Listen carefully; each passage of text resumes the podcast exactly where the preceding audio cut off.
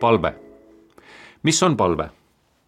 palve on suhtlus ja see on otsekui kahepoolne kommunikatsioon, kus me räägime Jumalaga ja Jumal räägib meiega. tema kuulab meid ja meie kuulame teda.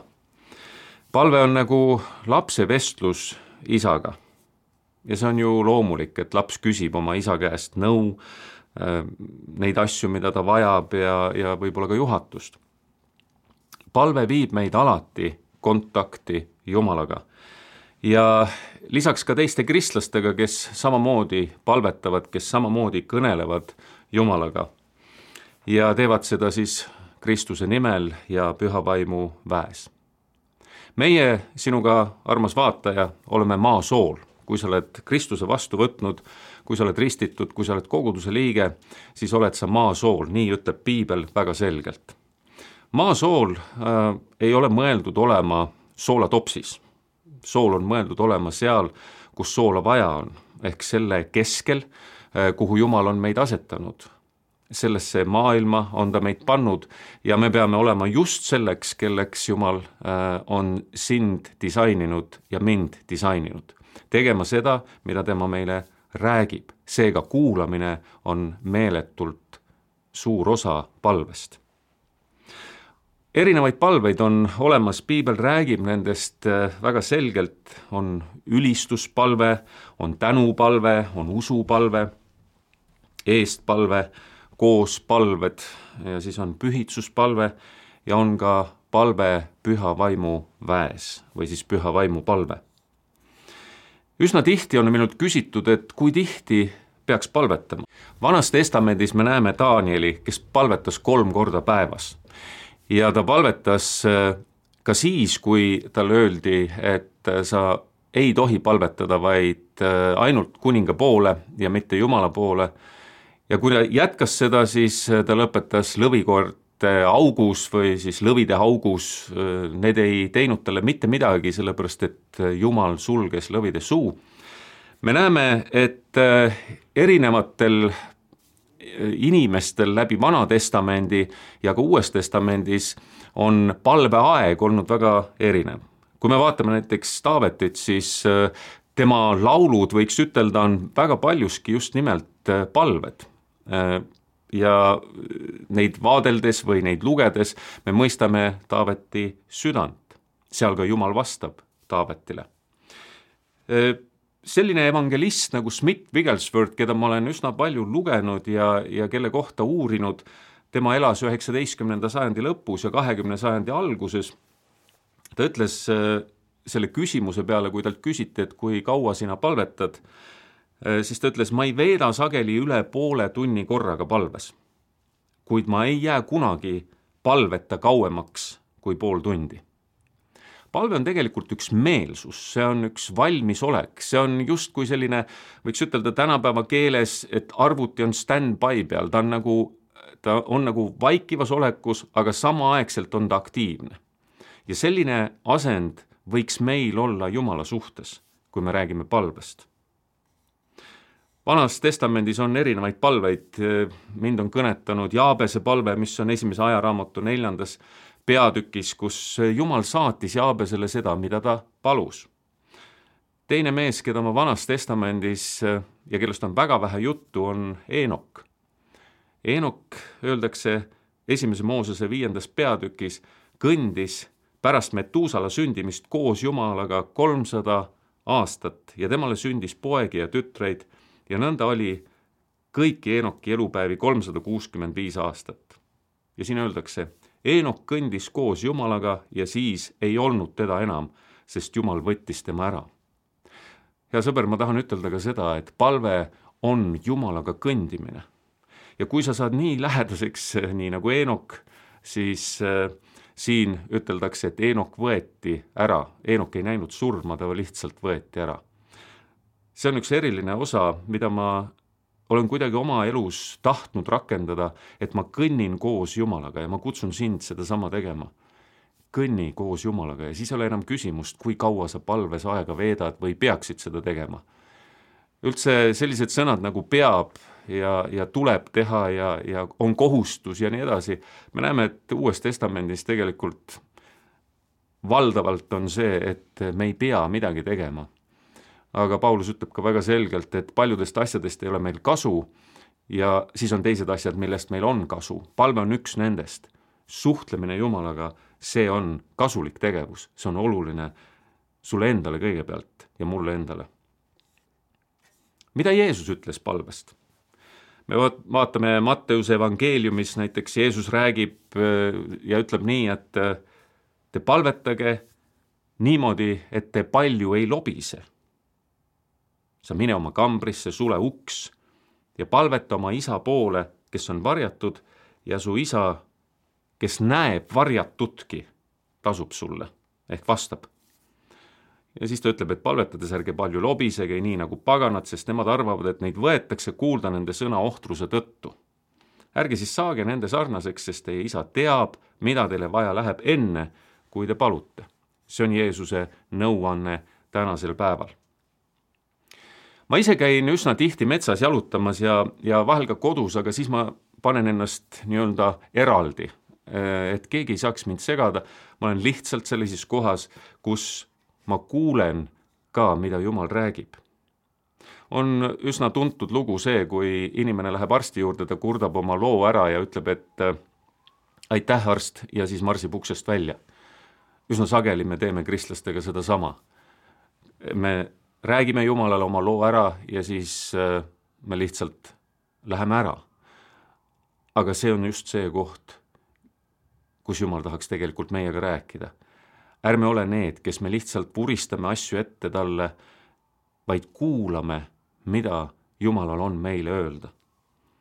selleks läheb aega vaja ja selle äh, aja me peame lihtsalt või, või see on, see on meie privileeg tegelikult see aeg võtta.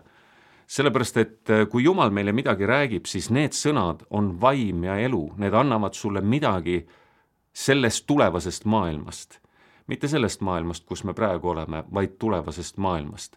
ta täidab sind oma väega, ta täidab sind oma jõuga, oma teadmise, oma üleloomulikkusega, ta räägib sulle asju, mida sa ei tea. ma olen seda korduvalt kogenud. üks palveviis, mida ma õppisin alles tundma üheksakümne kuuendal aastal, on keeltes palve. esimese Korintuse neliteist neliteist ütleb nii, see on Pauluse kiri kui ma keeli rääkides palvetan, siis palvetab mu vaim, aga mu mõistus on viljatu. keeltes palvetades võib Jumal näidata sulle, nii nagu ma ütlesin, pilte, ilmutada asju, mida sa ei tea ja mida sa loomulikkuses ei osa, oska isegi ette kujutada. keeltega rääkimine loob õhkkonna, kus Jumal saab asju avaldada vaimselt tasandilt. ja see tuleb maisesse üle keeltes palve loob ka ühtsuse. ma mäletan oma esimest palvet, kui ma palusin keeltes ja palusin seda ühe mehe eest. see mees oli oma ellu või oma elus sellise koha peal, kus äh, tema süda oli löömas rahulikus olekus sada kakskümmend lööki minutis ja ta oli teinud kõik testid, saatnud oma erinevad analüüsid nii kohalikele arstidele kui ka välismaale ja sealt tuli üks vastus. vastus oli see, su süda on täiesti terve, aga me ei tea, mis sul viga on. ta oli minemas ühe nõia juurde, sellepärast et ta otsis juba abi väljaspoolt seda, mida me tunneme nii-öelda maises sfääris. ja kui mina sellest kuulsin, siis ma ütlesin talle, et, et ära seda tee ja ma läksin koju, palvetasin keeltes umbes kümme minutit ja korraga ma näen pilti ja see pilt on selline, et ma näen otse kui sellist südamekujulist lihast, mida ma olin ajakirjas kuskil näinud, see oli üleni punane ja sealt läksid sellised närvilõpmed välja, mis olid samuti punased. ja ma palvetasin edasi ja korraga ma näen, kuidas selle südame ümber tuleb valge nagu meetaoline vaha ja katab selle südame kinni ja need närvilõpmed samamoodi sellel hetkel ma teadsin, et see mees saab terveks. ja siis ma küsisin, Jumal, aga mida sa tahad, et mina nüüd edasi teeksin? vastus oli hetkeline ja see oli mu sees. loe Markuse evangeeliumi lõppu. ma lugesin Markuse evangeeliumi lõppu, ma tegelikult teadsin seda teksti ka ennem, ja seal on haigete peale panematud käed ja need saavad terveks. ma mõtlesin, kas mina lähen, panen kellelegi käed peale. see mees ei ole kristlane, ma ei olnud ka oma kristlusest nii-öelda või usust siis jumalasse väga palju rääkinud ja ta ütles jah. järgmine päev ma sain selle mehega kokku ja ma mõtlesin, et mina võin ju rumalaks jääda, aga jumal ei jää rumalaks, tema ei jää lolliks, tema teeb seda, mida ta on öelnud, et ta teeb loomulikult oli seal see risk olemas, et midagi justkui ei juhtu. me käisime söömas, ma rääkisin talle valgusest ja pimedusest, rääkisin talle evangeeliumi ja ta ütleb mulle, tead, Veiko, ma ei saa midagi aru, mida sa räägid, aga mul on abi vaja. ja siis ma sain aru, et äh, sellest õpetusest nii-öelda, mida mina talle tahtsin rääkida, ei olnud mitte midagi kasu. me istusime autosse ja ma ütlesin, kas ma võin teha su eest palve. panin oma käed õla peale ja palvetasin väga lihtsa palve, kolmelauselise, ütlesin, issand, vastavalt sellele, mida sa mulle näitasid, ma praegu panen oma käe tema peale ja nii, nagu sa mulle ütlesid, ma teen. ja ma tänan, et sa puudutad teda ja teed ta terveks. ja ma läksin sealt autost ära. ma isegi ei öelnud vist head aega. igal juhul poole aasta pärast ma olin kuulnud, et ta on endiselt elus ja ta siis ühel hetkel, kui me olime kokku saanud, ütleb mulle nii, et et jah, aitäh sulle. ma ütlesin, et ma näen, et sul on kõik korras. ta ütleb jaa. ma ütlesin, aga mis siis juhtus? ta ütles, mina ei tea, mis juhtus, aga siis, kui sina autost välja läksid, ma panin öö, äh, oma käe pulsi peale, mõõtsin seda ja see on kuuskümmend ja see on kuuskümmend tänase päevani. Jumal oli kuulnud seda palvet, ta oli mulle näidanud enne ja nüüd oli ta teinud seda, mida ta ütles, et ta teeb hea sõber, ma tahan sind julgustada. kui Jumal sulle paneb mingi asja südamesse, palveta, saa kätte see, mida Jumal tahab sulle nii-öelda ilmutada või anda oma kuningriigis, sellest vaimsest dimensioonist. ja siis tee seda, mida ta sulle ütleb. ära karda, ära tõmbu tagasi, sest et Jumal on Jumal. Meie oleme siin inimesed ja vahetevahel oleme kas arad või tõmbume tagasi või midagi sellist, aga, aga Jumal ütleb, et ära karda tee seda, mida ma sulle ütlen ja sa näed imesid, sa näed üleloomulikkust iseenda elus. teate, see mees sai abi, aga mina sain abi. selles mõttes, et äh, ma sain sellise kogemuse osaliseks, mis on ülejäänud elu mind kogu aeg kandnud. keegi ei suuda mulle täna lõpuni väita või, või mind ümber lükata selle koha pealt, kus ma ütlen, et jumal tervendab täna haigeid sest ma olen ise seda näinud, ma olen seda kogenud, ma olen sellest ise justkui osa saanud. ja soovitan sulle sedasama. vahetevahel võib-olla ta ütleb sulle, tee see kolmelauseline palve. issand, õnnista seda sõpra, anna talle, et tal asjad läheksid korda, mis iganes veel, ja lihtsalt täna, et Jumal on kuulnud seda palvet. tee neid lihtsaid palveid ja sa näed imesid. inimene on vaim, hing ja ihu ja teate, kõige tähtsam palve võib-olla on see, mida me nimetame päästepalveks või siis uuesti sünnipalveks. olen korduvalt neid saanud teha, olnud inimeste kõrval, kellega koos oleme saanud palvetada, mäletan ühte naist, keda ma käisin haiglas vaatamas, sellest on viisteist aastat tagasi ja see oli jõulu esimene püha. tal oli väga keeruline elu olnud, tal olid osad varbad ära amputeeritud külma pärast ja erinevad asjad olid seal juhtunud. ja korraga jumala vaim kõnetab ja ütleb, et küsi ta käest, kas ta tahab oma elu mulle anda. ja ma küsisin. ja ta silmad läksid särama, ütles jaa. ma võtsin ta kätest kinni, me palvetasime koos. ja teate, see oli minu elus võib-olla üks esimesi kordi, kus ma nägin nii selgelt, kuidas inimese silmad muutuvad. see oli täiesti midagi fantastilist hea sõber, ma julgustan sind tegema sedasama.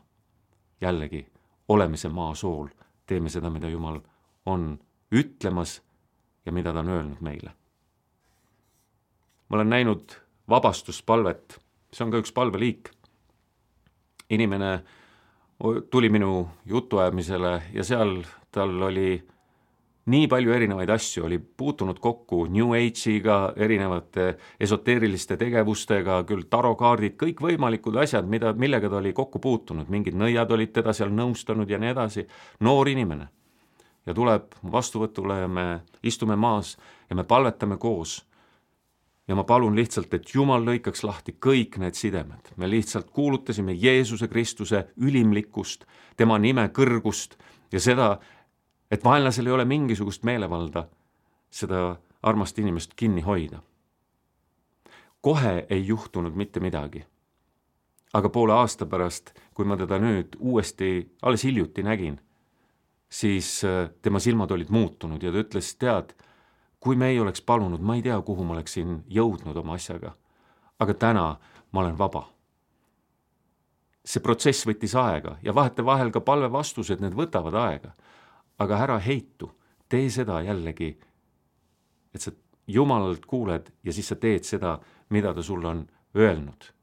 Jumal on oma sõnas väga palju tegelikult rääkinud sellest, et me palvetaksime teiste inimeste eest ka vabastas, vabastuspalveid.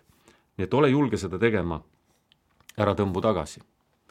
mäletan ühel korral, kui oli meil alfakursus ja üks mees, kes oli kakskümmend aastat depressioonis olnud, sellest kaheksa, sellises väga tõsises äh, niimoodi, et, et arstid ütlesid, et sa ei saa mitte kunagi terveks.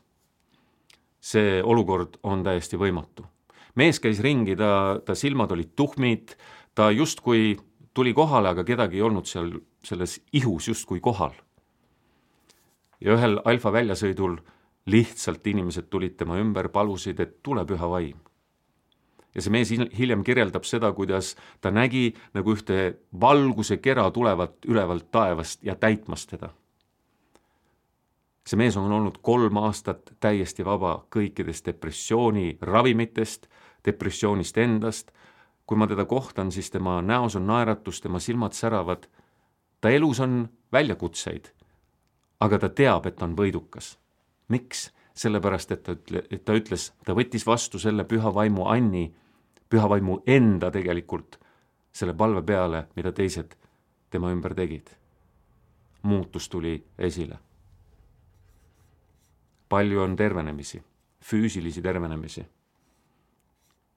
Neid me oleme näinud ikka korduvalt ja korduvalt ja korduvalt ja ma olen saanud olla osa mitmetest sellistest palvetest. alles hiljuti, eelmise aasta novembris olin ühel sellisel koosolekul, kus me palvetame erinevate vajaduste eest, haigete eest, nimetame seda tervikliku terminisi teenistus, TTT lühendanud, ja ma palvetasin seal lihtsalt, olles ülistuses, kuulates, mida Jumal tahab öelda ja korraga ta ütleb mulle, ütle välja, et siin on keegi, kellel on artriit, et Jumal teeb sind terveks. teate, need ei ole lihtsad kohad alati. aga ma ütlesin, Jumal, kas sa oled sina ja, ja ma tahtsin kuidagi kinnitust saada, ma sain kinnituse ja ma ütlesin selle välja ja tänaseks oleme me saanud tunnistuse, kuidas üks inimene on terveks saanud. see ei ole mitte Veiko või see ei ole mitte sina või mina, keegi kolmas, neljas, see on Jumal, kes neid asju teeb, kui me oleme talle kuulekad. ja sellepärast ma tahan sulle, sõber, ütelda, tee seda, mida Jumal sulle räägib võta aega temaga koos olemiseks.